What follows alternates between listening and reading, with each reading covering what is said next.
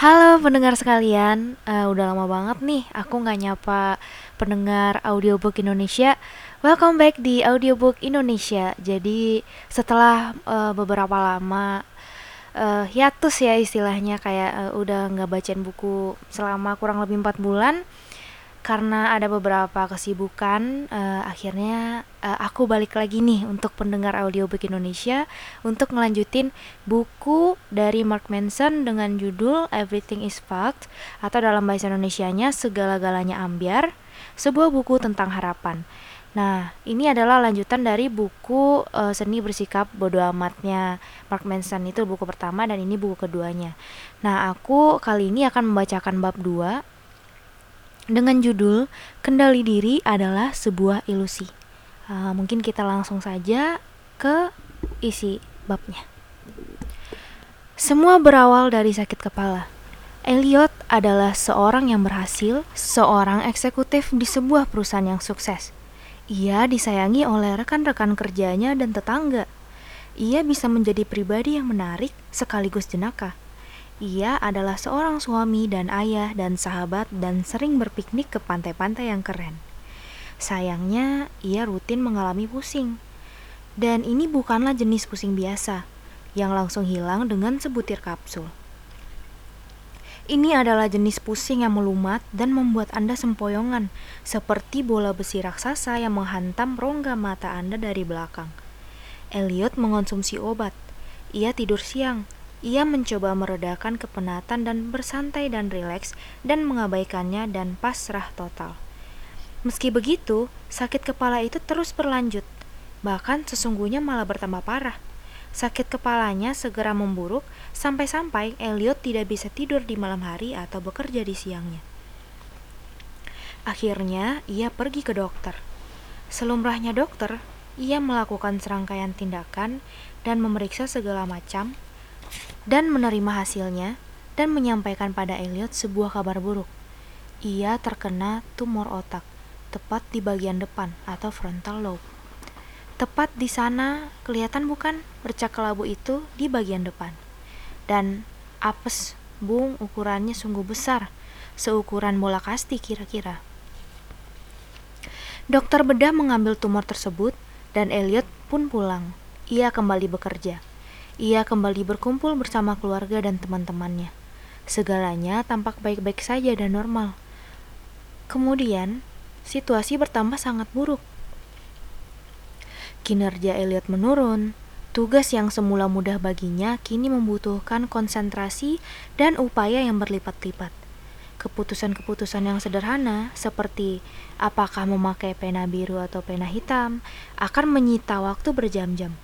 Ia akan membuat kesalahan yang sederhana dan membiarkannya terbengkalai selama berminggu-minggu.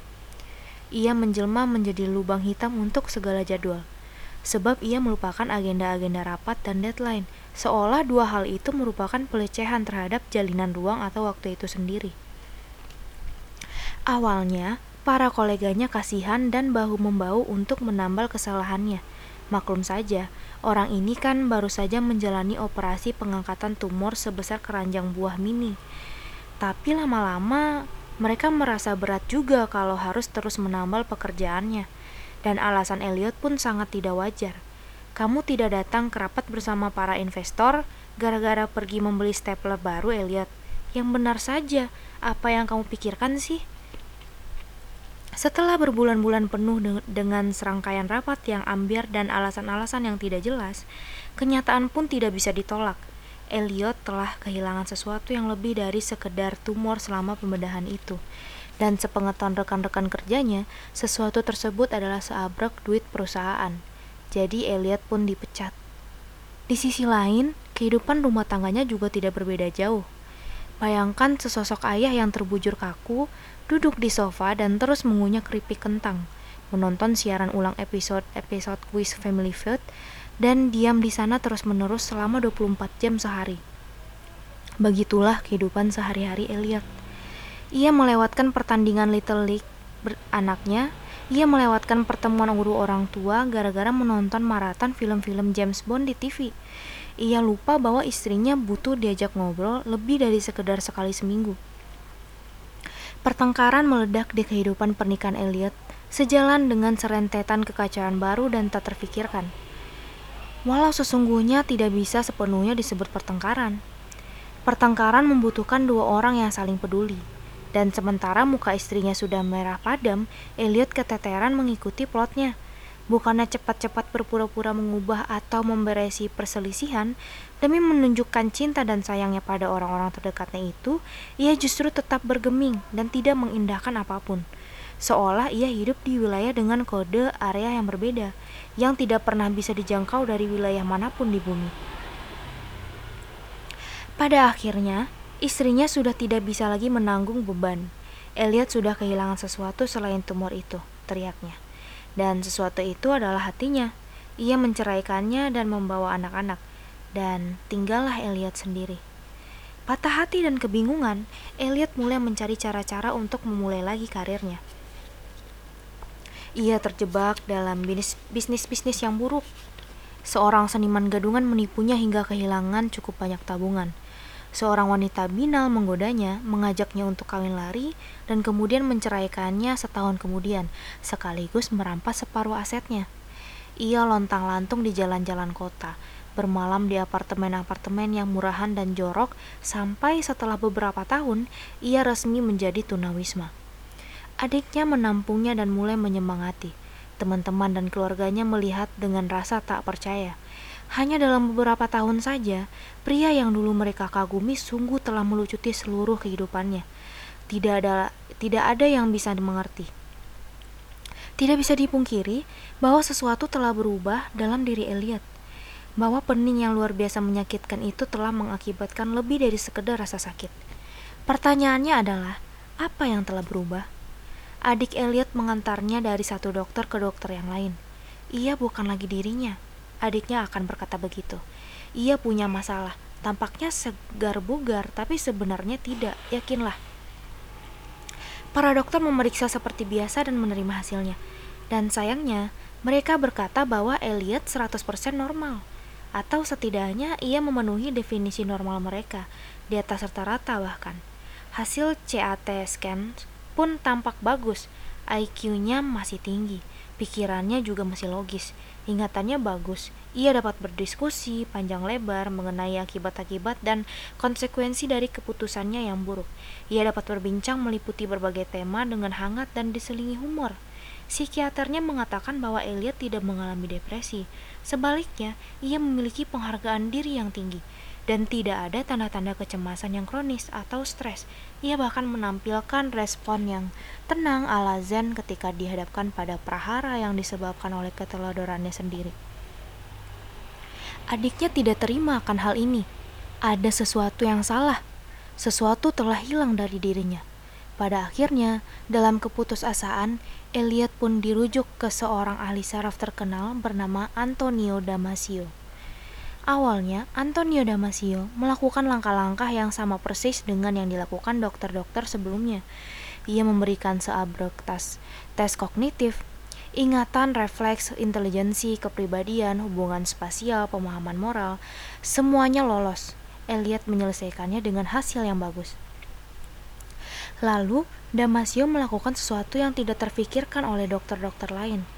Ia berbicara padanya namun sungguh-sungguh bercakap-cakap dengannya. Ia ingin tahu segalanya. Semua kesalahan, semua kegagalan, semua penyesalan. Bagaimana ceritanya ia bisa kehilangan pekerjaan, keluarganya, rumahnya, tabungannya?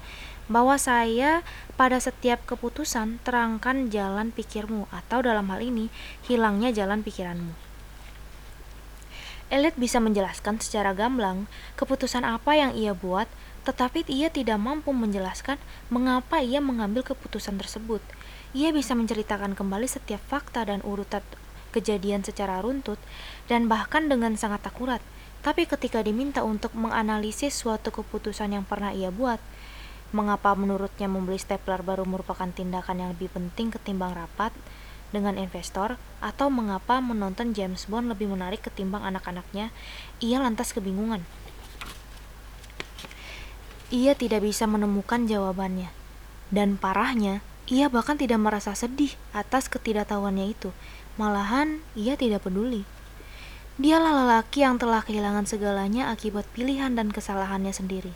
Ia telah memamerkan ketiadaan kendali diri atau apalah itu, dan yang sepenuhnya menyadari munculnya perahara dalam hidupnya. Dan meski begitu tampak tidak menyesal, tidak muak akan hal itu, bahkan tidak tampak setitik pun rasa malu. Banyak orang pasti sudah terdorong untuk bunuh diri jika mengalami sebagian kecil saja penderitaan Elliot. Bukan saja merasa nyaman dengan kemalangan yang ia alami, ia justru masa bodoh dengan hal itu. Saat itu juga, Damasio menemukan titik terang yang brilian. Serangkaian tes psikologi yang telah dijalani Elliot dirancang untuk mengukur kemampuannya untuk berpikir. Namun tidak ada satupun dari tes-tes tersebut yang dirancang untuk mengukur kemampuannya untuk merasa. Semua dokter menaruh perhatian pada kemampuan penalaran Elliot, namun tidak ada yang berhenti untuk menimbang bahwa kemampuan emosi Elliotlah yang rusak. Dan kalaupun memang para dokter itu menyadarinya, belum ada langkah standar untuk mengukur kerusakan tersebut. Suatu hari, salah satu kolega Damasio mencetak segepok foto yang mengerikan dan menjijikkan – ada foto-foto korban kebakaran, korban pembunuhan sadis, kota-kota yang luluh lantak akibat perang, dan anak-anak yang kelaparan. Ia selalu menunjukkannya pada Elliot satu demi satu. Elliot tidak bereaksi sama sekali. Ia tidak merasakan apa pun. Dan fakta bahwa dirinya sama sekali tidak tersentuh sungguh mengejutkan. Sampai-sampai ia sendiri terkaget-kaget akan betapa sintingnya dia sekarang. Ia sadar bahwa ia tahu pasti bahwa gambar-gambar itu dulu sanggup membuat ia mual, bahwa hatinya pasti sudah digenangi empati dan kengerian, bahwa ia spontan akan memalingkan muka karena jijik. Tapi sekarang ia terduduk di sana memandangi manusia-manusia yang mengalami penderitaan yang paling gelap dan tidak merasakan apa pun. Dan inilah seturut penemuan Damasio, biang masalahnya. Walau pengetahuan dan penalaran Elliot tidak terganggu, Tumor atau operasi pengangkatan tumor tersebut telah melemahkan kemampuannya untuk berempati dan merasa. Sanubarinya tidak lagi memiliki terang dan gelap, tapi hanya kabut kelabu kelam yang tanpa ujung. Menghadiri pentas piano anak perempuannya membangkitkan dalam dirinya getar-getar bahagia yang setara dengan kebanggaan seorang ayah saat membeli sepasang kaos kaki baru.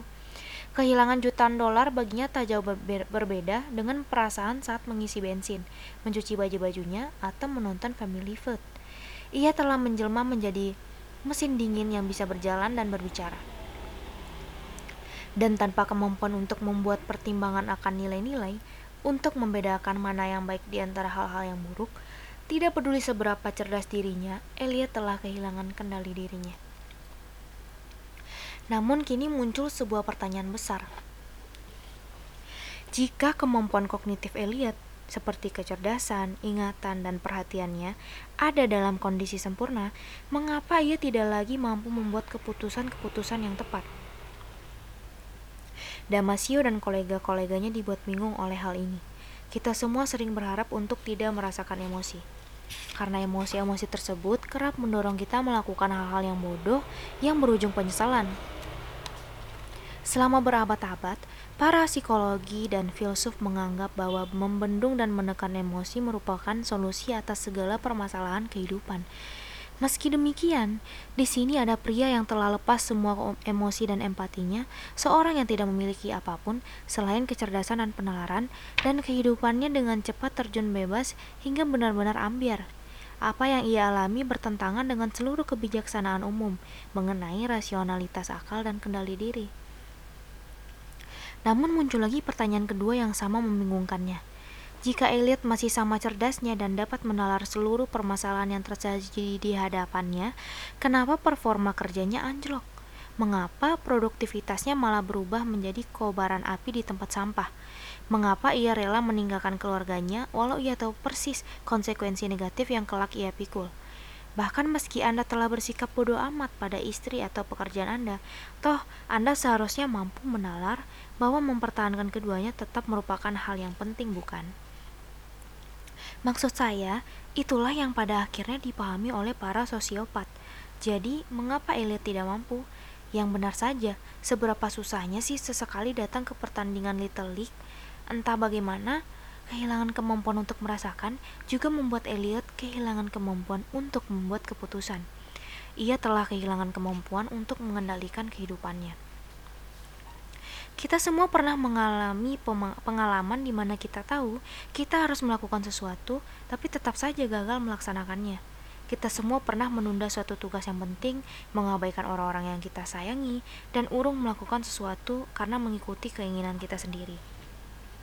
Dan biasanya ketika kita gagal melakukan sesuatu yang seharusnya kita lakukan, kita menganggap penyebabnya karena kita tidak cukup bisa mengendalikan emosi kita, kita tidak disiplin dan kurang pengetahuan.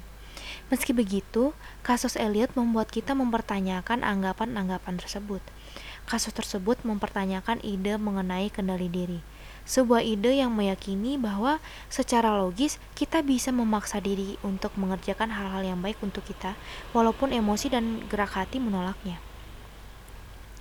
Untuk melahirkan harapan dalam kehidupan kita, kita pertama-tama harus merasa seolah kita memiliki kendali terhadap hidup kita kita harus merasa seolah kita mematuhi apa yang kita pahami sebagai baik dan buruk, bahwa kita mengejar sesuatu yang lebih baik. Meski demikian, banyak dari antara kita yang kepayahan menghadapi ketidakmampuan mengendalikan diri. Kasus Elliot menjadi terobosan untuk memahami penyebab terjadinya situasi tersebut. Pria ini miskin, terkucil, dan sebatang kara. Pria yang memandangi foto-foto tubuh yang rusak dan puing-puing gempa yang sesungguhnya bisa mencerminkan ambiarnya kehidupannya Pria ini yang telah kehilangan segalanya, benar-benar segalanya, masih saja menyunggingkan senyum saat menceritakannya. Pria ini akan menjadi kunci untuk merevolusi pemahaman kita akan pikiran manusia, bagaimana kita membuat keputusan, dan seberapa besar sesungguhnya kendali diri yang kita miliki. Subbab pertama, sebuah asumsi klasik. Suatu kali, ketika ditanyai tentang kebiasaan minumnya, Musisi Tom Waits memberikan jawaban yang kelak selalu dikenang. Aku lebih memilih berserah pada sebotol minuman ketimbang menjalani frontal lobotomi. Dia tampak sedang mabuk berat saat ditanyai. Oh, dan ia sedang berada di televisi nasional. Frontal lobotomi adalah jenis operasi otak yang dilakukan dengan mengebor sebuah lubang dari hidung menembus ke tengah ke tengkorak Kemudian bagian depannya diiris secara halus menggunakan sebuah tusuk es. Prosedur ini ditemukan pada 1935 oleh seorang ahli saraf bersama Antonio Egas Moniz.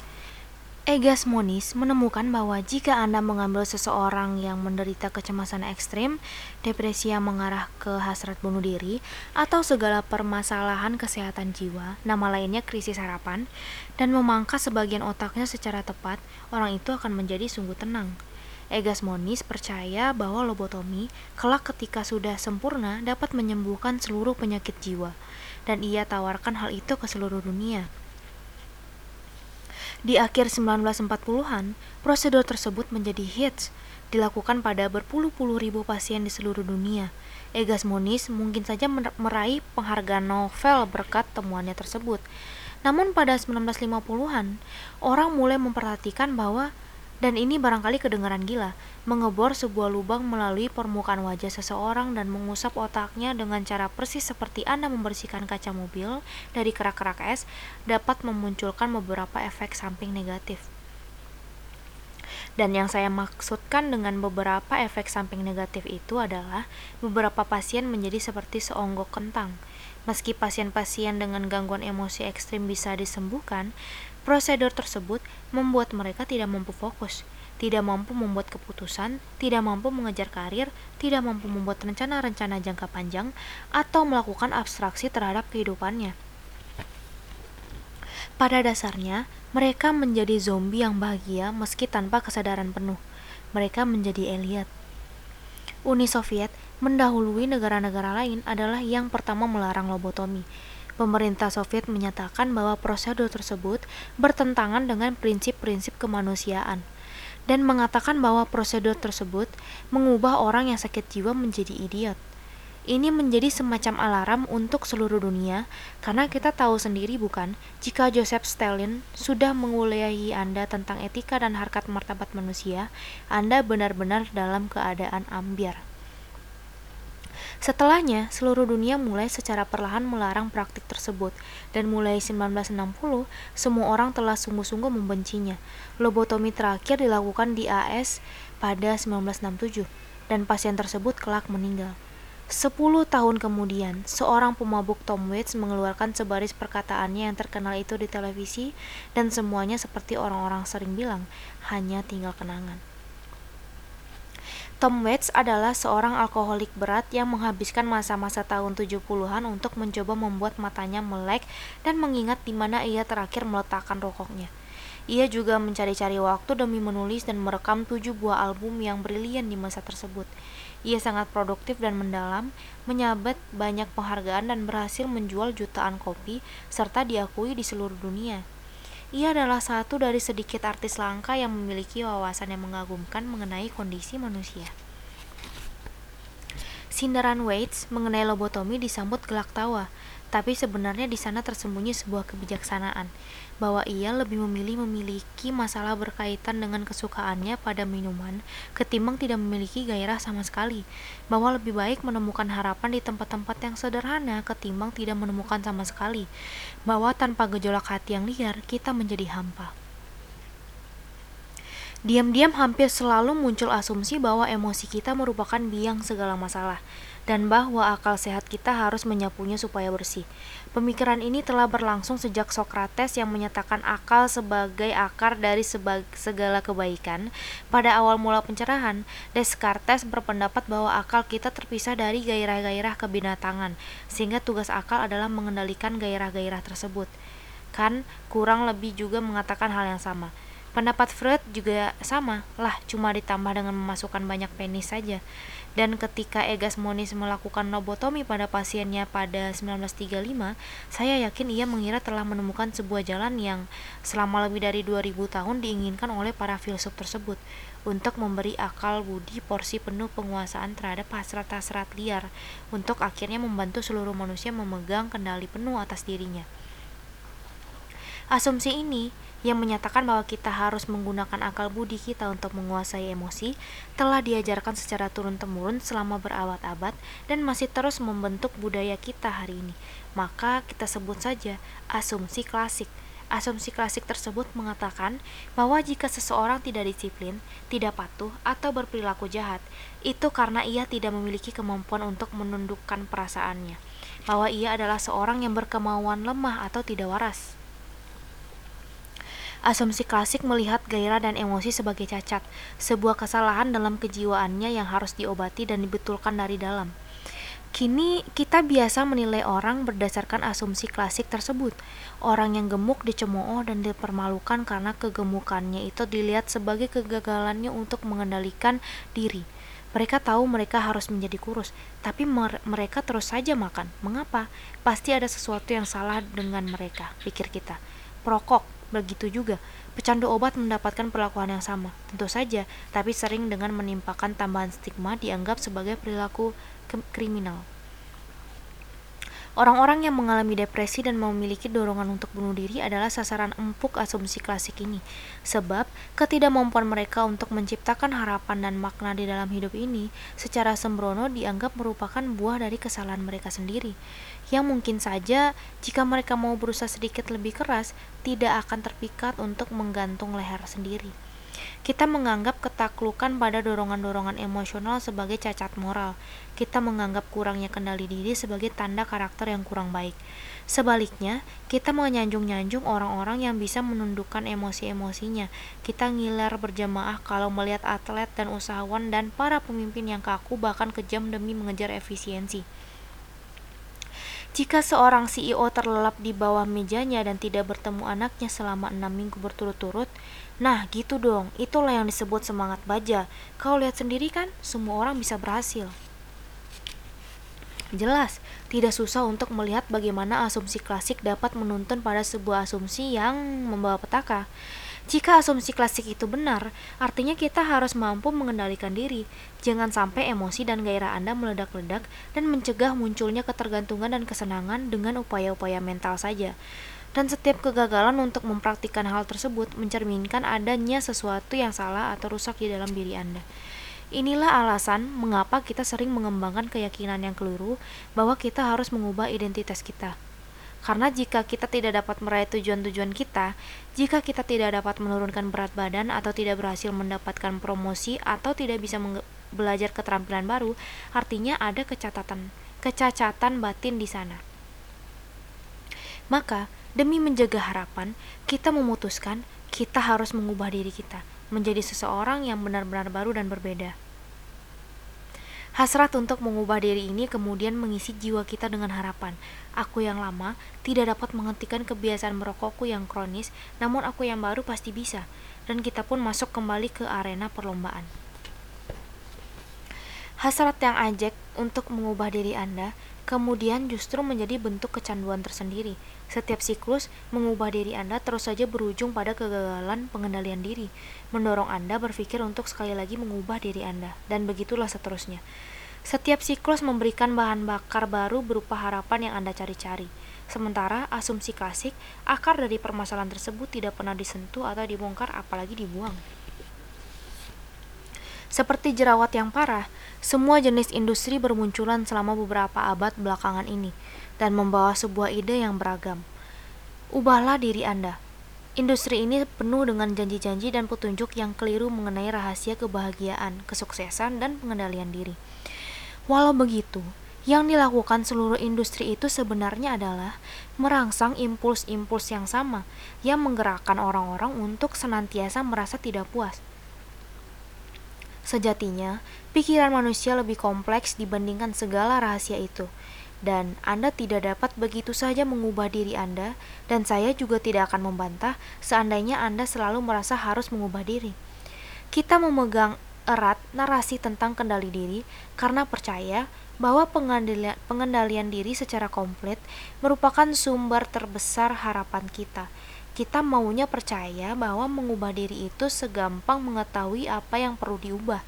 Kita maunya percaya bahwa kemampuan untuk melakukan sesuatu itu segampang membuat keputusan untuk melakukannya dan menghimpun kemampuan yang cukup untuk sampai di tujuan. Kita maunya percaya bahwa diri kita adalah nakoda yang hidup di jalan hidup kita sendiri, yang mampu mewujudkan apa pun yang kita impikan. Inilah yang membuat hasil temuan Damasio mengenai Elliot menjadi sebuah penemuan besar. Jelaslah, jelaslah kini bahwa asumsi klasik keliru. Jika asumsi klasik benar, jika hidup ini semudah belajar mengendalikan emosi-emosi dan membuat keputusan berdasarkan akal semata, Elliot seharusnya sudah menjadi seorang kampion tak terkalahkan, pekerja keras yang berkarya tanpa mau beristirahat, dan membuat keputusan yang tak kenal kompromi. Begitu juga jika asumsi klasik benar, lobotomi seharusnya semakin marak. Kita pasti sudah menabung demi operasi tersebut, sememikat operasi pembesaran payudara. Namun, lobotomi gagal dan kehidupan Elliot terlanjur ambiar. Faktanya, dibutuhkan lebih dari sekedar kemauan untuk meraih kendali diri. Rupanya gerak-gerak emosi kita turut menolong kita baik dalam membuat keputusan maupun bertindak. Kita hanya tidak selalu menyadarinya. Subab kedua, Anda memiliki dua otak dan keduanya tidak mampu saling berinteraksi dengan baik. Anggaplah pikiran Anda adalah sebuah mobil. Mari kita namai mobil kesadaran. Mobil kesadaran Anda meluncur di jalan kehidupan dan terdapat persimpangan, jalan masuk, dan jalan keluar. Jalan-jalan dan persimpangan ini melambangkan keputusan-keputusan yang harus Anda buat saat Anda berkendara, dan semua itu menentukan tujuan Anda.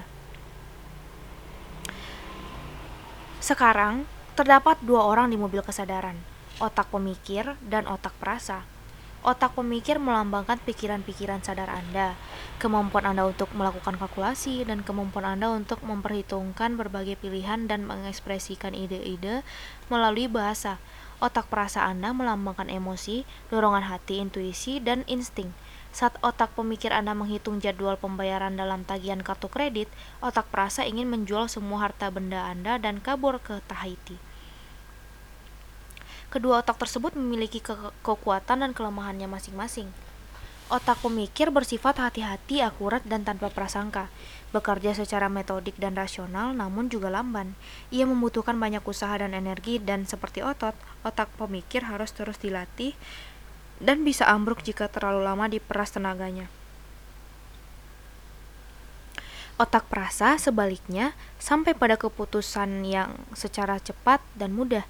Masalahnya sering tidak akurat dan tidak rasional. Otak perasa juga kadang cari perhatian dan memiliki kebiasaan buruk gemar bereaksi berlebihan. Ketika kita mencari tahu tentang diri kita dan apa yang terjadi terjadi saat kita membuat keputusan, kita biasanya beranggapan bahwa otak pemikir sedang mengendarai mobil kesadaran kita dan otak perasa sedang duduk di kursi penumpang sambil meneriakkan tempat-tempat yang ingin ia kunjungi. Kita tengah memegang setir, menyelesaikan tujuan-tujuan kita dan memperhitungkan jalan pulang, sementara si otak perasa sialan asyik melihat objek-objek yang kinclong atau seksi atau menyenangkan dan menyentak setir ke arah yang berlawanan. Sehingga mobil berjalan melenceng ke, ke lajur yang berlawanan arah, membahayakan mobil kesadaran orang lain dan mobil kita sendiri. Ini merupakan asumsi klasik, kepercayaan bahwa akal kita memegang kendali hidup kita secara penuh dan bahwa kita harus melatih emosi kita untuk duduk tenang dan diam sementara orang dewasa sedang menyetir. Kita kemudian bertepuk tangan terhadap perilaku kekerasan dan penyanderaan emosi ini dan memberikan selamat pada diri kita karena telah berhasil mengendalikan diri. Tapi bukan begitu cara kerja mobil kesadaran kita. Ketika tumornya berhasil diangkat, otak perasaan Elliot dilempar keluar dari kendaraan mental yang sedang berjalan dan dia sama sekali tidak berubah menjadi lebih baik. Kenyataannya, mobil kesadarannya justru mangkrak. Pada para pasien lobotomi, otak perasa mereka diikat lalu ditaruh di bagasi belakang mobil, dan itu hanya membuat mereka menjadi linglung dan malas, tidak mampu melangkah keluar dari tempat tidurnya atau bahkan berpakaian sendiri. Sementara Tom Waits memakai otak perasa setiap waktu dan ia dibayar sangat mahal untuk mabuk di acara-acara talk show televisi. Jadi, begitulah adanya. Ini kenyataannya. Otak perasalah yang mengendarai mobil kesadaran kita. Dan saya tidak peduli dengan seberapa ilmiahnya Anda atau berapa banyak predikat sarjana di belakang nama Anda. Anda adalah salah satu dari kita, Bung. Anda juga termasuk jenis robot berdaging yang dipiloti otak perasa, sama seperti kita semua. Silakan simpan kata-kata Anda untuk diri Anda sendiri. Otak perasa menyetir mobil kesadaran kita, karena pada akhirnya hanya emosilah yang menggerakkan kita untuk bertindak. Ini karena tindakan adalah emosi. Emosi merupakan sistem hidrolik biologis yang mendorong tubuh kita untuk bergerak. Rasa takut bukanlah hal ajaib yang diciptakan oleh otak Anda. Bukan, rasa takut terjadi di tubuh kita terdiri dari perut yang mengencang, otot yang menegang, adrenalin yang terlepas, keinginan yang menderu akan ruang dan kekosongan di dalam badan Anda. Sementara, otak pemikir eksis hanya di dalam jalinan sinaptik di balik tengkorak Anda. Otak perasa merupakan kombinasi kearifan dan kegoblokan yang ada di seluruh badan. Amarah mendorong badan Anda untuk bergerak, kecemasan menariknya mundur, Kegembiraan mencerahkan otot-otot wajah, sementara kesedihan mencoba menyembunyikan eksistensi Anda agar tidak dilihat orang. Emosi mencetuskan aksi, dan aksi mencetuskan emosi. Keduanya tidak terpisahkan. Ini mengantar kita pada jawaban yang paling jelas dan sederhana atas pertanyaan abadi. Mengapa kita tidak mengerjakan tugas-tugas yang kita tahu seharusnya kita kerjakan? Karena kita tidak merasa menyukainya. Setiap permasalahan kendali diri bukanlah permasalahan informasi atau disiplin atau pemikiran, tetapi lebih merupakan permasalahan emosi. Kendali diri merupakan problem emosi. Kemalasan merupakan problem emosi. Suka menunda merupakan problem emosi. Ketidakmampuan meraih prestasi merupakan problem emosi. Kegelisahan merupakan problem emosi. Menjengkelkan, Pasalnya, permasalahan-permasalahan emosi lebih sukar ditangani ketimbang perkara-perkara logika. Ada rumus-rumus bersamaan yang bisa membantu Anda menghitung tagihan bulanan untuk mobil sewaan Anda. Tidak ada rumus apa pun untuk membantu Anda menyelesaikan hubungan yang buruk. Dan seiring pengetahuan Anda yang kini mulai terbentuk, mengetahui secara intelektual cara mengubah perilaku Anda tidak serta-merta mengubah perilaku Anda. Percaya pada saya, saya sudah membaca sekitar 12 buku tentang nutrisi dan saya masih saja doyan mengunyah burrito sambil menulis ini. Kita tahu kita harus berhenti merokok atau stop mengudap gula atau berhenti membicarakan kejelekan kawan kita di belakang. Tapi kita tetap melakukannya dan itu bukannya karena kita tidak cukup tahu, tapi karena kita tidak cukup merasa nyaman. Problem emosional bersifat irasional. Artinya permasalahan tersebut tidak bisa dimengerti dengan menggunakan penalaran, dan ini membawa kita pada kabar yang lebih buruk. Permasalahan emosional hanya memiliki solusi yang sifatnya emosional juga. Semua ada di belakang kendali otak perasa, dan jika Anda sudah melihat bagaimana cara otak perasa menyetir, oh, sungguh menakutkan. Sementara itu, di saat semua berjalan, otak pemikir sedang duduk di bangku penumpang sambil membayangkan dirinya memegang kendali penuh atas segala situasi. Jika otak perasa adalah sopir kita, otak pemikir adalah sang navigator. Ia memiliki bertumpuk-tumpuk peta menuju realitas yang telah digambar dan dikumpulkan sepanjang hidup. Ia tahu cara berputar balik dan mencari rute alternatif menuju destinasi yang sama. Ia tahu letak kelokan tajam dan di mana bisa menemukan jalan pintas. Ia juga tahu betul bahwa dirinya adalah otak yang cerdas dan rasional. Maka ia percaya bahwa seharusnya yang dengan kelebihan itu, dialah yang mengendalikan mobil kesadaran. Tapi biar begitu, ia tidak terjadi. Seperti yang pernah disampaikan oleh Daniel Kahneman, otak pemikir adalah peran pembantu yang membayangkan dirinya menjadi pahlawan. Bahkan meski kadang mereka tidak saling menyukai, kedua otak tersebut saling membutuhkan satu sama lain. Otak perasa menghasilkan emosi-emosi yang membuat kita tergerak untuk bertindak, dan otak pemikir menyarankan di mana tindakan itu harus dilakukan. Kata kunci di sini adalah menyarankan. Karena otak pemikir tidak dapat mengendalikan otak perasa, ia hanya mampu memengaruhi, terkadang dengan sangat kuat. Otak pemikir dapat meyakinkan otak perasa untuk mengejar jalan baru menuju masa depan yang lebih baik, untuk berbalik arah ketika ia membuat kesalahan, atau untuk mempertimbangkan rute-rute atau teritori baru yang ketika ia abaikan. Saya ulangi, Otak pemikir dapat meyakinkan otak perasa untuk mengejar jalan baru menuju masa depan yang lebih baik, untuk berbalik arah ketika ia membuat kesalahan, atau untuk mempertimbangkan rute-rute atau teritori baru ketika ia diabaikan. Namun otak perasa keras kepala, dan jika ia sungguh ingin menempuh suatu tujuan, ia akan bergegas mengarah ke sana tidak peduli berapa banyak fakta dan data yang dikumpulkan oleh otak pemikir. Psikologis, psikolog moral Jonathan Haidt mengumpamakan dua otak tersebut sebagai seekor gajah dan penunggangnya.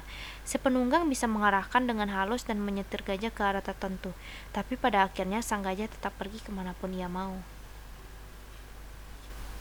Subbab ketiga, mobil badut. Otak perasa, meski hebat, juga memiliki sisi gelap. Di dalam mobil kesadaran, otak perasa Anda menyerupai seorang pacar bermulut kasar yang tidak mau menepi dan menanyakan arah jalan. Ia benci diberi tahu ke mana ia harus pergi, dan ia sudah barang tentu akan membuat Anda sengsara jika Anda mencela cara ia mengemudi.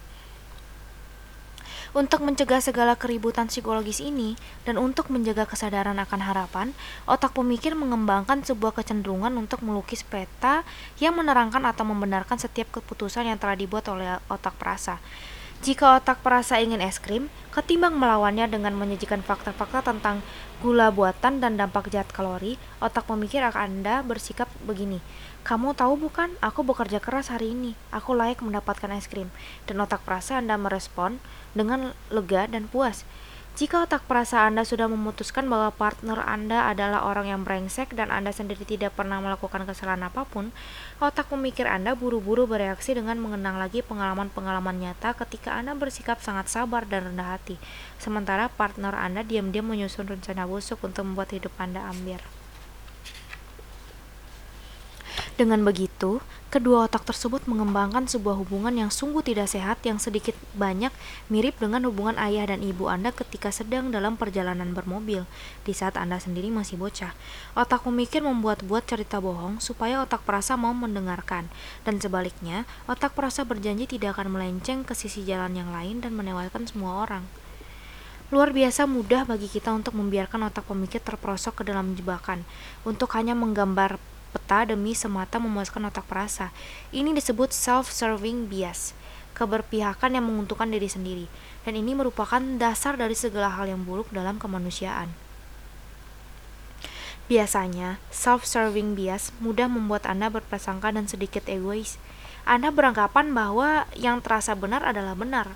Anda cepat menilai orang lain, suatu tempat, suatu kelompok, dan semua pemikiran, sering secara tidak adil atau bahkan intoleran. Namun dalam bentuk yang ekstrim, self-serving bias dapat menjelma menjadi khayalan yang teramat meyakinkan, membuat Anda mempercayai sesuatu kenyataan yang palsu, mengaburkan ingatan dan melebih-lebihkan fakta. Semuanya dilakukan demi melayani otak pemikir yang senantiasa lapar itu. Jika otak pemikirnya lemah atau tidak terdidik, atau jika otak perasanya mudah marah, otak pemikir akan mengalah pada si otak perasa yang sedikit-sedikit mengamuk dan menyetir seperti cari mati. Otak pemikir akan kehilangan kemampuan berpikirnya sendiri atau tidak lagi mampu membantah kesimpulan-kesimpulan yang dibuat otak perasa. Mobil kesadaran sukses berubah menjadi mobil badut dengan roda-roda besar berwarna merah dan berjalan melenting serta menyuarakan musik sirkus melalui sebuah pengeras suara ke mana pun Anda pergi. Mobil kesadaran Anda menjadi mobil badut ketika otak pemikir Anda telah menyerah total pada otak perasa Anda, ketika seluruh tujuan hidup Anda ditentukan secara penuh oleh pemuasan diri, ketika kebenaran dibikin kerdil menjadi sekadar asumsi-asumsi yang menguntungkan diri sendiri, ketika semua keyakinan dan prinsip hilang di lautan nihilisme. Mobil badut meluncur di berbagai cabang, seperti ketergantungan, narsisisme, dan ketertekanan. Orang-orang yang pikirannya adalah mobil badut begitu mudah dimanipulasi oleh siapa pun atau grup mana pun yang secara konsisten membuatnya merasa nyaman, entah itu pemimpin agama, politisi, guru spiritual, atau suatu forum sesat di internet. Sebuah mobil badut akan dengan suka hati menggilas mobil kesadaran lainnya, yaitu orang lain, dengan roda-roda merah dan kenyalnya, karena otak pemikirnya akan membenarkan tindakan tersebut dengan mengatakan bahwa orang-orang lain itulah yang memang pantas dibegitukan, mereka jahat, rendah, atau bagian dari biang permasalahan yang ia buat-buat sendiri. Beberapa mobil badut hanya ingin bersenang-senang. Mereka sibuk minum-minum dan bercinta dan berpesta. Yang lainnya mengejar kekuasaan. Mereka lah mobil-mobil badut yang paling berbahaya karena otak pemikirnya disetel untuk membenarkan kekerasan dan pelecehan pada orang lain melalui teori-teori yang terdengar intelektual, baik di bidang ekonomi, politik, ras, genetik, gender, biologi, sejarah, dan sebagainya. Sebuah mobil badut terkadang juga mengejar kebencian, karena kebencian membawa kepuasan dan keyakinan diri ekstra. Pikiran semacam itu rentan tersulut oleh amarah yang datang dari perasaan paling benar sendiri. Karena dengan adanya sebuah target di luar dirinya, ia lantas merasa secara moral lebih unggul. Mau tidak mau, dia akan upaya dia akan berupaya menghancurkan orang lain karena hanya melalui penghancuran dan penaklukan dunia di luar dirinya, dorongan-dorongan hati yang selalu mulut tertutup itu bisa terpuaskan. Sangat susah menarik seseorang untuk keluar lagi dari mobil badut, sekali ia terperosok di dalamnya. Di dalam mobil di dalam mobil badut, otak pemikir sudah dirisak dan ditindas oleh otak perasa selama sekian lama, sehingga ia seolah terkena sindrom Stockholm. Tidak mampu lagi membayangkan adanya kehidupan lain di luar menyenangkan dan membenarkan otak perasa tidak terpikir lagi oleh otak pemikir untuk menyangkal dan menantang otak perasa tentang arah yang hendak dituju. Malah, Anda akan terganggu jika otak pemikir menyarankan hal tersebut. Dalam mobil badut, tidak ada lagi pikiran yang independen dan tidak ada lagi kemampuan untuk meninjau perbedaan atau mengubah kepercayaan atau opini. Dengan kata lain, seseorang dengan pikiran mobil badut tidak lagi memiliki identitas sama sekali. Ini mengapa pemimpin-pemimpin suatu sekte selalu memulai dengan mendorong orang-orang untuk membungkam otak pemikir mereka sebisa mungkin. Awalnya, ini terasa penuh makna untuk orang-orang tersebut, karena selama ini otak pemikir sering mengoreksi otak perasa, menunjukkan padanya bahwa ia telah mengambil belokan yang keliru. Maka, menutup otak pemikir akan terasa sangat menyenangkan untuk waktu yang pendek, dan orang-orang selalu keliru menganggap yang terasa nikmat sebagai yang sejatinya baik. Kiasan tentang mobil badut itulah yang menginspirasi para filsuf kuno untuk memperingatkan bahaya pemujaan dan pemuasan perasaan secara berlebihan. Rasa takut pada mobil badut ini menginspirasi orang-orang Romawi dan Yahudi untuk memunculkan petua tentang pembelengguan nafsu dan pengekangan diri. Baik para filsuf klasik maupun gereja sama-sama melihat kehancuran yang disebabkan oleh para penguasa yang narsis dan megalomaniak dan mereka semua percaya bahwa satu-satunya cara menangani otak perasa adalah dengan menekannya, memberi sesedikit mungkin oksigen, pokoknya mencegahnya meledak dan merusak dunia di sekelilingnya. Pemikiran ini melahirkan asumsi klasik bahwa satu-satunya cara untuk menjadi orang baik adalah melalui dominasi otak pemikir terhadap otak perasa, memenangkan akal ketimbang emosi, mendahulukan tanggung jawab di atas pemenuhan hasrat-hasrat. Hampir sepanjang sejarah manusia, orang-orang pernah menjadi brutal, menganut takhayul, dan berperilaku biadab. Orang-orang di abad pertengahan biasa menyiksa kucing demi permainan olahraga dan mengajak anak-anaknya untuk melihat perampok yang buah zakarnya dicincang di alun-alun kota. Dahulu orang-orang sadis dan gampang kalap hampir sepanjang sejarah, dunia ini bukanlah tempat yang menyenangkan untuk ditinggali. Dan itu sebagian besar disebabkan oleh otak perasa orang-orang itu yang dibiarkan mengamuk. Asumsi klasik itu sering menjadi satu-satunya yang berdiri di atas peradaban dan anarki buta. Lalu sesuatu terjadi selama beberapa ratus tahun belakangan. Orang-orang membangun kereta api dan mobil dan menemukan mesin pemanas dan perkakas lainnya. Kemakmuran ekonomi berhasil melampaui dorongan hati manusia. Orang-orang tidak lagi khawatir apakah hari ini bisa makan atau tidak, atau apakah hari ini ia akan dibunuh atas tuduhan menghina raja hidup menjadi lebih nyaman dan mudah. Orang kini memiliki banyak waktu luang untuk duduk dan berpikir dan mencemaskan tentang segala topik eksistensial yang sebelumnya tidak pernah mereka renungkan. Hasilnya, di akhir abad 20 malah muncul banyak gerakan yang berusaha memulihkan kejayaan otak perasa. Dan memang, membebaskan otak perasa dari penindasan otak memikir sungguh memberikan khasiat yang luar biasa bagi jutaan orang dan terus berlanjut hingga hingga saat ini. Masalahnya, di sisi lain orang lantas malah kebablasan.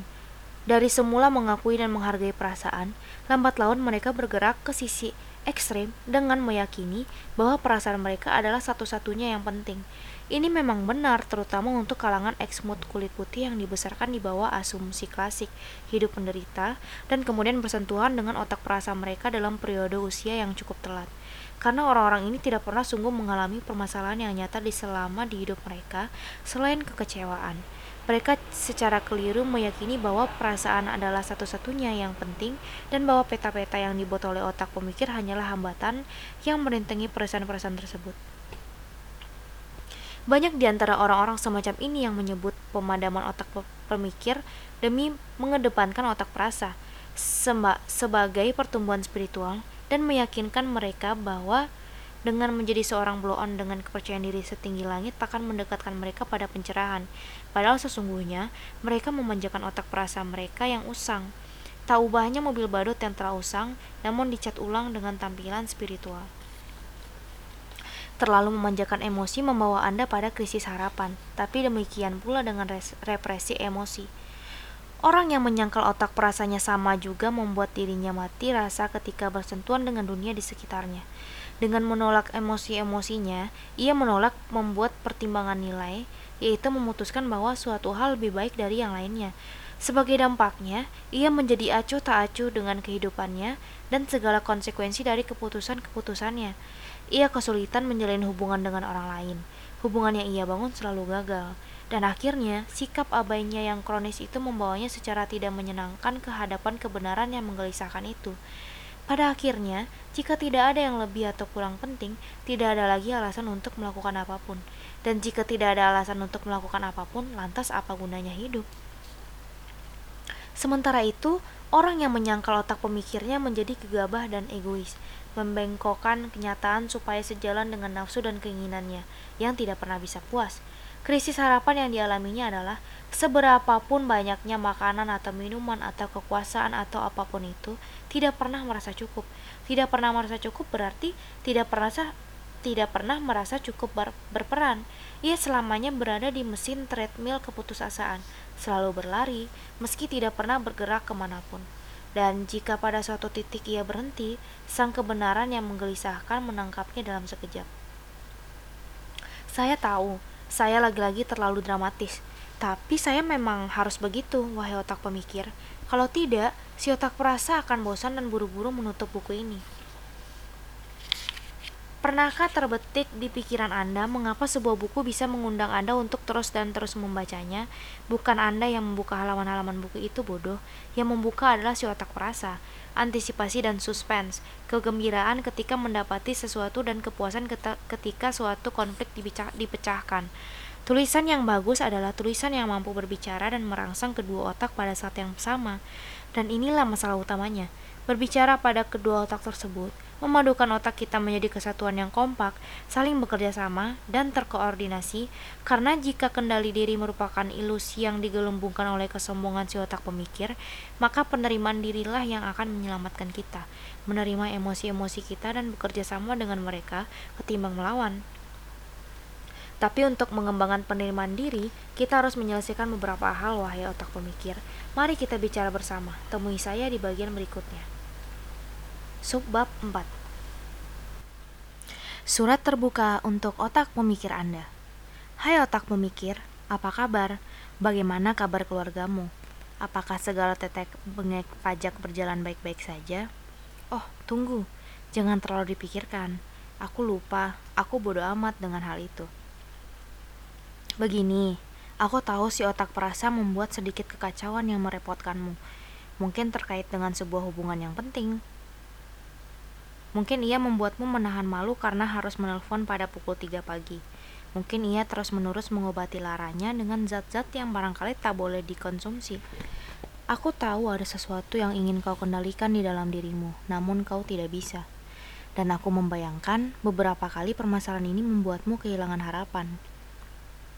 Tapi dengar, otak pemikir, segala hal yang tidak kau sukai dari otak perasa, nafsunya, keinginan-keinginannya yang tak teratur, keputusan-keputusan jelek yang ia buat, kau harus menemukan cara untuk berempati dengan hal-hal tersebut. Karena itulah satu-satunya bahasa yang dimengerti oleh otak perasa. Empati. Otak perasa adalah makhluk yang sensitif. Lagi pula, ia terbuat dari perasaan-perasaanmu. Aku tidak berharap seperti ini kenyataannya Kupikir akan jauh lebih mudah kalau kamu sekedar menyodorinya barang selembar catatan untuk dimengerti.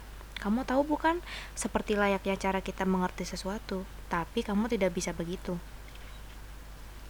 Ketimbang memborbadir otak perasa dengan fakta-fakta dan alasan, mulailah dengan menanyakan perasaannya. Ucapkan kalimat seperti, Hei otak perasa, bagaimana kalau kita pergi ke gym hari ini? Atau, bagaimana kalau kita pindah kerjaan? Atau, Bagaimana kalau kita menjuali semuanya dan pindah ke Tahiti? Otak perasa tidak akan meresponnya dengan kata-kata. Tidak, otak perasa terlalu cepat untuk sebaris kata. Sebagai gantinya, ia akan merespons dengan perasaan. Ya, aku tahu itu sudah jelas, tapi terkadang kamu bobal otak pemikir. Otak perasa mungkin akan merespons dengan memunculkan perasaan malas atau perasaan cemas. Terdapat bermacam-macam perasaan, seperti sedikit keceriaan, dengan sejumput amarah turut dicampurkan ke sana. Apa pun itu, kamu sebagai otak pemikir alias yang memegang tanggung jawab di kepala ini tetap tidak boleh tergesa-gesa menyalahkan segala perasaan yang muncul. Merasa malas, oke, kita semua kadang merasa malas. Merasa gusar pada diri sendiri, barangkali ini bisa jadi permulaan untuk saling berbicara lebih jauh. Gym masih bisa dilakukan lain waktu. Penting untuk membiarkan otak perasa membebaskan perasaan-perasaan yang mengganjal atau mengganggu. Lepaskan perasaan-perasaan tersebut supaya mereka bisa bernafas lega. Karena semakin lega mereka, semakin lemahlah cengkraman mereka pada setir mobil kesadaranmu. Kemudian, setelah kamu merasa telah mampu memahami otak perasamu, inilah waktunya untuk memikatnya dengan cara yang ia mengerti, melalui perasaan-perasaan. Mungkin dengan mengidam-idamkan, mungkin dengan menyebutkan segala hal yang seksi, cantik, atau menyenangkan yang ingin didapat. Mungkin dengan mengingatkan otak perasa tentang betapa nikmatnya berolahraga, betapa bangganya jika bisa tampil sensual dalam balutan pakaian renang di musim panas ini, betapa hormatnya kamu dengan dirimu sendiri karena telah menjalankan tujuan hidupmu, betapa bahagianya kamu karena telah hidup sesuai nilai-nilai yang kamu pegang, karena caramu bertindak bisa menjadi teladan untuk orang-orang yang kamu sayangi. Pada dasarnya, kamu harus melakukan tawar-menawar dengan otak perasamu dengan cara seperti kamu melakukan tawar-menawar dengan pedagang karpet dari Maroko. Dia harus percaya bahwa dia telah mendapatkan harga bagus, sebab kalau tidak, akan ada banyak jabat tangan dan teriakan yang tidak ada faedahnya sama sekali. Mungkin kamu setuju untuk melakukan sesuatu yang disukai oleh otak perasa, sambil pada saat yang sama mengerjakan sesuatu yang tidak disukainya. Boleh menonton siaran TV favoritmu, tapi hanya ketika kamu sedang treadmill di gym. Boleh jalan-jalan bareng teman, tapi hanya setelah kamu selesai membayar seluruh tagihan bulanan. Mulailah dengan yang mudah-mudah. Ingat, si otak perasa sangat mudah tersinggung dan tidak bisa berpikir rasional.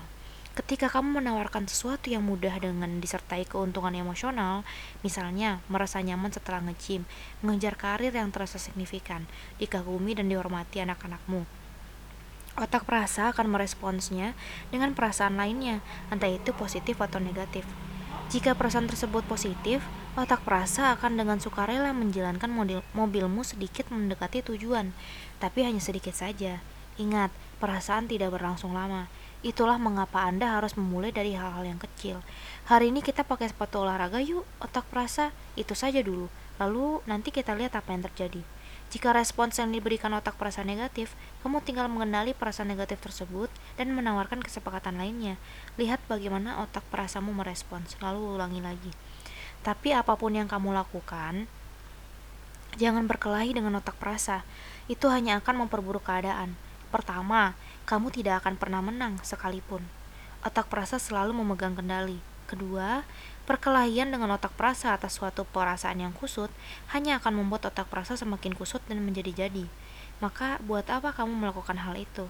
Kamu terlahir untuk menjadi orang yang paling cerdas otak pemikir. Percakapan dengan otak perasa ini akan terus berlanjut seperti ini, maju mundur berhari-hari, berminggu-minggu, atau bahkan berbulan-bulan, bahkan bisa bertahun-tahun. Percakapan antar otak ini membutuhkan latihan. Untuk beberapa orang, latihannya berupa mengenali jenis perasaan yang dikeluarkan oleh otak perasa. Beberapa orang telah sekian lama mengabaikan otak perasa sehingga otak pemikirnya membutuhkan waktu yang cukup lama untuk mulai mendengarkannya lagi. Beberapa yang lain memiliki permasalahan sebaliknya. Mereka harus melatih otak pemikirnya untuk berkata lantang, memaksanya untuk mengajukan pemikiran yang independen, yang bertentangan dengan perasaan si otak perasa. Mereka harus bertanya pada diri sendiri, bagaimana jika selama ini otak perasanya keliru, dan mungkin kemudian mempertimbangkan jalan-jalan alternatifnya. Awalnya ini akan sulit bagi keduanya, namun semakin sering dialog ini dilakukan, semakin sering kedua otak ini untuk mulai mendengarkan satu sama lain. Otak perasa akan mulai membenahi perasaannya, dan otak pemikir akan memiliki pemahaman yang lebih baik tentang cara membeli per, memberi pertolongan navigasi pada otak perasa dalam menempuh jalan kehidupan ini. Inilah yang disebut dalam psikologi sebagai pengaturan emosional. Dan pada dasarnya, ini merupakan latihan menempatkan beberapa pagar pengaman dan rambu satu arah di sepanjang jalan kehidupan untuk menjaga otak perasamu tidak melenceng dan terjun ke jurang. Sebuah upaya yang memeras keringat, namun bisa dibilang ini merupakan satu-satunya cara sebab kamu tidak mampu mengendalikan perasaan-perasaanmu otak pemikir. Kendali diri merupakan ilusi. Itu merupakan ilusi yang terjadi ketika kedua otak berjalan selaras dan berusaha mengerjakan sesuatu yang sama. Itu adalah ilusi yang didesain untuk memberikan harapan kepada orang-orang dan ketika si otak pemikir tidak selaras dengan otak perasa, orang merasa lemah dan dunia di sekitarnya mulai merasa putus harapan. Satu-satunya jalan supaya kamu selalu bisa memperoleh ilusi tersebut adalah dengan terus-menerus berkomunikasi dan menyelaraskan kedua otak tersebut di dalam nilai-nilai yang sama. Itulah merupakan keahlian sama seperti keahlian bermain polo air atau melempar tangkap belati. Dibutuhkan kerja keras. Akan ada pula kegagalan-kegagalan di dalam proses tersebut. Lenganmu bisa tersayat dan darah muncrat ke segala penjuru, tapi itu barulah ongkos masuknya. Namun, ada satu hal yang kamu miliki otak pemikir. Kamu mungkin tidak memiliki kendali diri, tapi kamu memiliki kendali makna. Inilah kekuatan supermu, inilah bakatmu. Kamu dapat mengendalikan makna di balik dorongan-dorongan hati dan perasaanmu. Kamu dapat menguak makna yang menurutmu cocok, kamu bisa menggambar peta, dan ini adalah sesuatu yang kekuatannya luar biasa. Karena makna yang kita berikan pada aneka perasaan itulah yang sering mampu membelokkan cara otak perasa merespons perasaan-perasaan tersebut. Dan inilah caramu menciptakan harapan.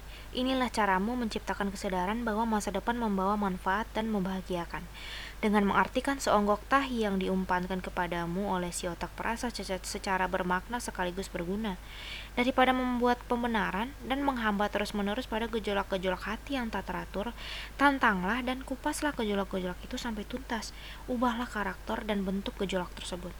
Sejatinya, inilah yang dinamakan terapi yang baik, self-acceptance dan emotional intelligence dan semacamnya. Sebenarnya, seluruh ide tentang ajarilah otak pemikirmu untuk mengartikan dan bekerja sama dengan otak perasa, ketimbang menyalahkannya dan berpikir bahwa ia adalah iblis busuk adalah dasar dari CBT, Cognitive Behavior Therapy atau terapi perilaku kognitif dan ACT, Acceptance and Commitment Therapy atau terapi penerimaan dan komitmen. Dan banyak lagi singkatan-singkatan mengasyikan yang diciptakan para psikolog klinis untuk membuat hidup kita menjadi lebih baik. Krisis harapan yang kita dapati sering diawali dengan kesadaran dasar bahwa kita tidak memiliki kendali terhadap diri kita atau jalan hidup kita. Ketika merasa menjadi korban dari dunia di sekitar kita, atau parahnya dari pikiran-pikiran kita sendiri, kita melawan otak perasa kita sendiri, berusaha menundukkannya sehingga patuh, atau kita melakukan hal yang sebaliknya dan mengikutinya tanpa syarat. Kita mengolok-olok diri kita sendiri dan bersembunyi dari dunia ini gara-gara asumsi klasik. Dan dalam banyak kesempatan, dunia modern yang makmur dan serba terhubung ini hanya membuat rasa sakit akibat ilusi kendali diri itu semakin parah. Tapi inilah misimu otak pemikir yang harus kamu terima. Bekerja samalah dengan otak perasa seturut cara kerjanya yang unik itu. Ciptakanlah lingkungan yang dapat memunculkan gejolak-gejolak hati dan intuisi otak perasa yang paling baik, ketimbang yang paling buruk. Terimalah dan bekerjalah sama, ketimbang melawan apa pun yang dimuntahkan oleh otak perasa kepadamu. Segala hal lainnya adalah ilusi. Itu semua selalu merupakan ilusi. Kamu tidak memiliki kendali otak pemikir. Kamu tidak pernah memilikinya dan tidak akan pernah. Walau begitu, kamu tidak perlu putus asa. Antino, Antonio Damasio akhirnya menulis sebuah buku terkenal berjudul Descartes Error, berisi pengalamannya dengan Eliot, dan juga bermacam-macam riset lainnya. Di dalamnya, ia berpendapat bahwa sama halnya dengan otak pemikir yang memproduksi bentuk pengetahuan yang logis dan faktual, otak perasa mengembangkan jenis pengetahuannya sendiri yang terikat nilai-nilai. Otak pemikir membuat asosiasi di, di antara fakta, data, dan pengamatan. Otak perasa juga membuat pertimbangan nilai berdasarkan fakta, data, dan pengamatan yang sama. Otak perasa memutuskan apa yang baik dan yang buruk, mana yang diinginkan dan mana yang tak diinginkan, dan yang terpenting apa yang pantas dan tidak pantas kita terima. Bentuk pengetahuan otak pemikir itu objektif dan faktual. Otak perasa itu subjektif dan relatif. Dan tak peduli seberapa bes keras kita mencoba, kita tidak pernah bisa menerjemahkan satu bentuk pengetahuan ke bentuk satunya. Inilah problem harapan sesungguhnya. Kita pasti bisa memahami secara intelektual bagaimana cara mengurangi asupan karbohidrat, atau cara bangun tidur lebih pagi, atau cara berhenti merokok. Namun di dalam otak perasa kita, entah kenapa kita telah memutuskan bahwa kita tidak pantas melakukan hal-hal tersebut, bahwa kita tidak layak mengerjakan hal-hal tersebut, dan itulah mengapa kita merasa kecewa berat. Perasaan tidak pantas ini biasanya merupakan akibat dari pengalaman buruk yang pernah kita alami. Kita menderita ketika karena peristiwa yang sangat tidak menyenangkan, dan otak perasa kita memutuskan bahwa kita pantas menerima pengalaman buruk tersebut. Maka, meski otak pemikir memiliki pengetahuan yang lebih baik, penderitaan itu terus berulang dan dialami. Inilah problem mendasar kendali diri. Inilah problem fundamental harapan, bukan terletak pada kebodohan otak pemikir, tapi pada kebodohan otak perasa. Otak perasa telah mengadopsi dan menerima penilaian yang rendah atas dirinya sendiri dan dunia. Dan inilah kerja nyata dari segala penyembuhan psikologis, memperlihatkan nilai-nilai kita pada diri kita sendiri, supaya kita pun bisa memperlihatkan nilai-nilai kita pada dunia. Atau bisa juga dipahami begini, masalahnya adalah bukannya kita tidak tahu cara supaya wajah kita tak terkena pukulan. Masalahnya entah mengapa barangkali dahulu kala wajah kita pernah kena pukul dan bukannya balas memukul, kita memutuskan bahwa kita memang layak dipukul. Wah, uh, akhirnya aku selesai juga membacakan bab 2 yang cukup panjang ini nih, teman-teman. Uh, dari apa yang aku baca di bab 2 ini, aku belajar banyak tentang uh, bahwa uh, kita memang harus mengendalikan uh, kerja otak pemikir dan otak perasa kita karena kedua-duanya emang saling berket berketergantungan satu sama lainnya. Uh, sejauh ini aku membaca buku Mark Manson, isinya selalu bagus dan memberikan manfaat yang mungkin sering juga berkaitan dengan kehidupan aku di dunia nyata gitu. Dan beberapa kehidupan teman-teman aku. dan uh, karena ini buku uh, karena ini bab kedua dari buku kedua uh, kebetulan aku juga pengen uh, ngasih salam nih buat teman aku uh, yang namanya Rizal. Karena dia lagi bolak-balik Cina Indonesia nih di dengan ke, keadaan lagi corona gini tapi dia bolak-balik Cina karena lagi ada kerja di sana dan juga lagi sakit. Nah, uh, buat teman-teman yang membaca, eh, yang ikut mendengarkan uh, buku yang aku bacakan ini, sama sama-sama mohon doanya ya. Uh, semoga teman aku cepat sehat dan aku bisa cepat ketemu dengan teman teman aku tersebut. Untuk Rizal cepat sembuh ya.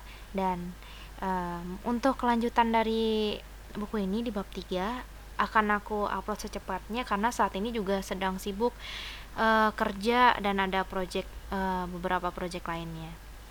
Uh, sekian untuk uh, audiobook pada kali ini. Semoga teman-teman tetap mendengarkan dan uh, senang dengan apa yang telah aku bacakan. Terima kasih, sampai jumpa di audiobook selanjutnya. Dadah.